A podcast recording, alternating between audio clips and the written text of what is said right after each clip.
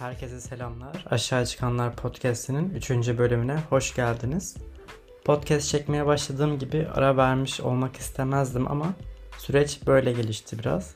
Uzun bir süredir en azından haftalık yayın yapmaya yeni başlamış biri olarak bana uzun geldi açıkçası. Neden bölümler gelmedi hemen onlardan bahsedeyim. Ee, aslında hali hazırda bekleyen 3 tane 3. bölümüm vardı. Yazıldı, çekildi, düzenlendi ama bir türlü yayınlamaya elim gitmedi. Nedeni benim tam olarak bilemediğim bir yetersizlik hissinden kaynaklı. İstediğim ivmeye yaklaşamamış, istediğim içerikleri aktaramamışım gibi geldi. Mükemmelliyetçi yapım yine baş gösterdi ve yaptığım işlerden memnun olmamaya başladım. Her seferinde bu güzel oldu ama bir tane daha mı denesem diyerek üçüncüye kadar çektim. Ee, dönüp baktığımda tatmin olamadım bir türlü. Belki altında başka şeyler yatan düşüncelerle bozulmuş bir Burak'la karşılaştım. Velhasıl biraz ara verip podcast'e dair düşünmemeye başladım. Akışta olmayı, bir şeyleri zorlamaya yeğlerim hep. Zaman geçtikçe günler, haftalar diyebiliyorum artık. Neredeyse 5-6 hafta oldu. Zaman geçtikçe günler ve haftalar oldu artık. Kendimi başladığı işi yarım bırakan biri olarak nitelendirmeye başladım bu süreçte. Aslında yarım bırakmak da tam sayılmaz sonuçta. Hali hazırda bekleyen 3 tane bölüm vardı ama yayınlanmadığı sürece bir şey ifade etmiyordu benim için. Düşüncelerimi kendime sakladıktan sonra sanki hiç yoklarmış gibi geliyordu. Tabi bu süreçte hayatımda gelişmeler oldu. Yüzmeyi bir spor haline getirip yüzmeye başladım. Ee, yoğun iş temposunda sabrıma mukayyet olmaya çalıştım. Yeri geldi olmadım. Yeni insanlar tanıdım. Hayatındaki yakın insanlar artık uzak olmaya başladı falan. Öyle sonra bir gün sabah balkonda limonlu suyumu içip kendime gelmeye çalışırken bir hangover bırak. Podcast kanalının mailine baktım ve okunmamış bir mail var yazısını gördüm. Maili görünce şaşırdım açıkçası. Ya dinleyen ve beğenen biri cevap yazmıştı ya da sevmeyen biri eleştiri yağmurunu tutmuştu. Veya bir işbirliğiydi diye düşündüm. Heyecanla maili açtım. İngilizce bir maildi. Bütün o okurduğum olasılıklar uçtu gitti bir anda. Sonra okumaya başladım ve bir istatistik maili olduğunu öğrendim. Sabah mahmurluğuyla ne olduğunu anlamaya çalışırken gözüme çarpan şeyler sadece 19 ve aşağı çıkanlar yazısıydı. Neyse sonra hemen dikkatimi toplayıp maili dikkatlice okumaya başladım. Aşağı çıkanlar podcast'i kişisel günlük kategorisinde podcast kanalları arasında 19. sıraya ulaşmış ve bunu kutlayan bir açıklama gördüm. Evet sadece beni tanıyan insanların dinlemediğini biliyordum. Elbette yabancı insanlar da vardı işlerinde ama beni 19. sıraya çıkaracak kadar çok mu dinlemişlerdi? Kendi kendime bir sürü sorular türettim tabi. Kaç tane kişisel günlük kategorisinde kanal var diye düşünmeye başladım benimki nasıl 19. oldu diye. Kesin 19 tane vardır da ben 19. oldum falan diye dalga geçiyorum kendimle. Böyle bunu da paylaşmak istiyorum arkadaşlarımla falan ama hani 19. oldum bunu neyini paylaşacağım falan diyorum kendi kendime. Hani gören de Türkiye'de en çok dinlenen 5 kanal içerisine girdi falan sanar diye söyleniyorum. Aynı zamanda da yarım bıraktığımı sandığım işimle ilgili böyle bir bilgi almak bana iyi hissettirdi. Tekrardan denesem mi acaba diye düşünürken kendime bilgisayar başında podcast yazarken gözüme hoş gelmesi için seçtiğim font seçme sayfasında buldum. Hemen beğendiğim fontu seçtim ve oturdum yazmaya başladım. Kendimi, yaşadığım durum artık ne gelirse yazacaktım. Sonra başladım. Böyle bakıyorum ekrana eğer falan oldum bir.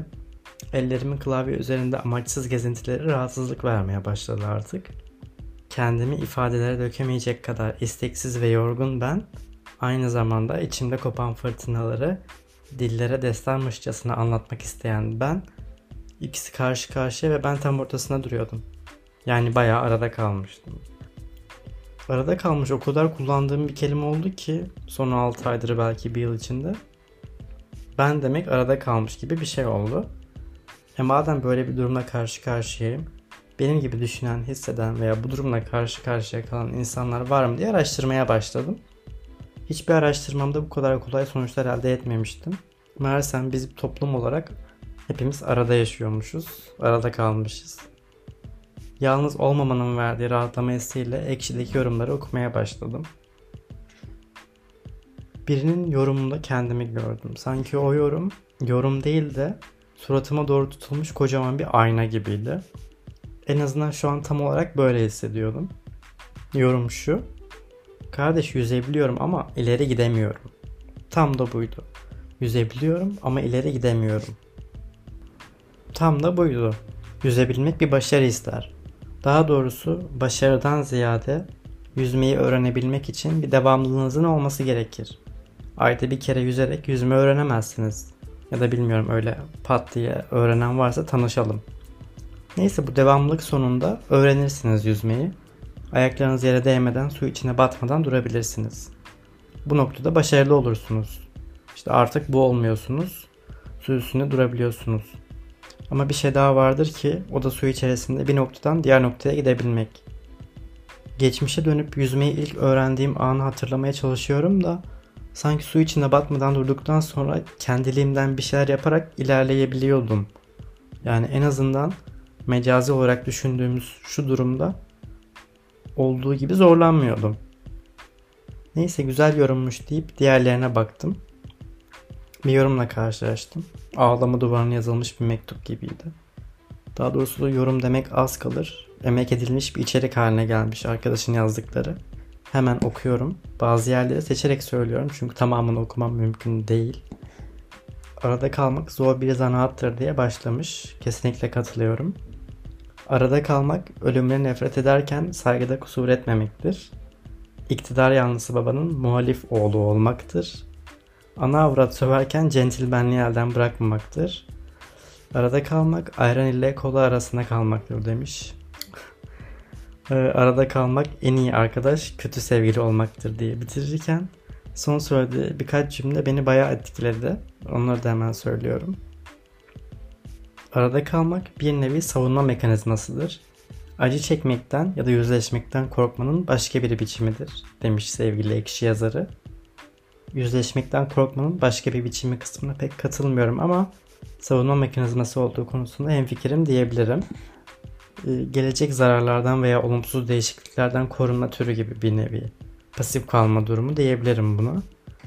Bu in between durumu çok fazla arada kalmış dedim. Baydı artık o kelime. O yüzden İngilizce telaffuz etmek istedim. Bu in between durumu benim için kişisel özel bir his sanıyordum. Özel hislerin tamamının iyi ve pozitif olmadığını da anlıyoruz bu arada. Sizlere bahsetmediğim yüzlerce yorum var burada bununla ilgili. Hangi yöne gidemediğime, hangi yöne gideceğime karar vermemiş veya seçenekler arasında kalmış. Hatta gideceği yönü tam olarak bilemeyen biri olarak söylüyorum ki hiçbirimiz yalnız değiliz. Daha öncesinde bunu hiçbiriniz yalnız değilsiniz demiştim. Kendimi ötekileştirmiş gibi oldu. Bunun içinde ben de varım. Hiçbirimiz yalnız değiliz. Sadece hissettiğimiz veya yaşadığımız güzel şeyleri, başarıları paylaştığımız için bunları görüyoruz sadece. Buzdağının altında aynı şeyleri yaşıyoruz aslında.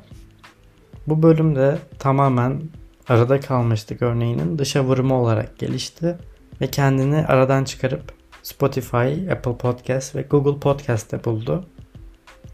Bu bölümü dinlediğiniz için teşekkür ederim. Sonraki bölümde görüşmek üzere.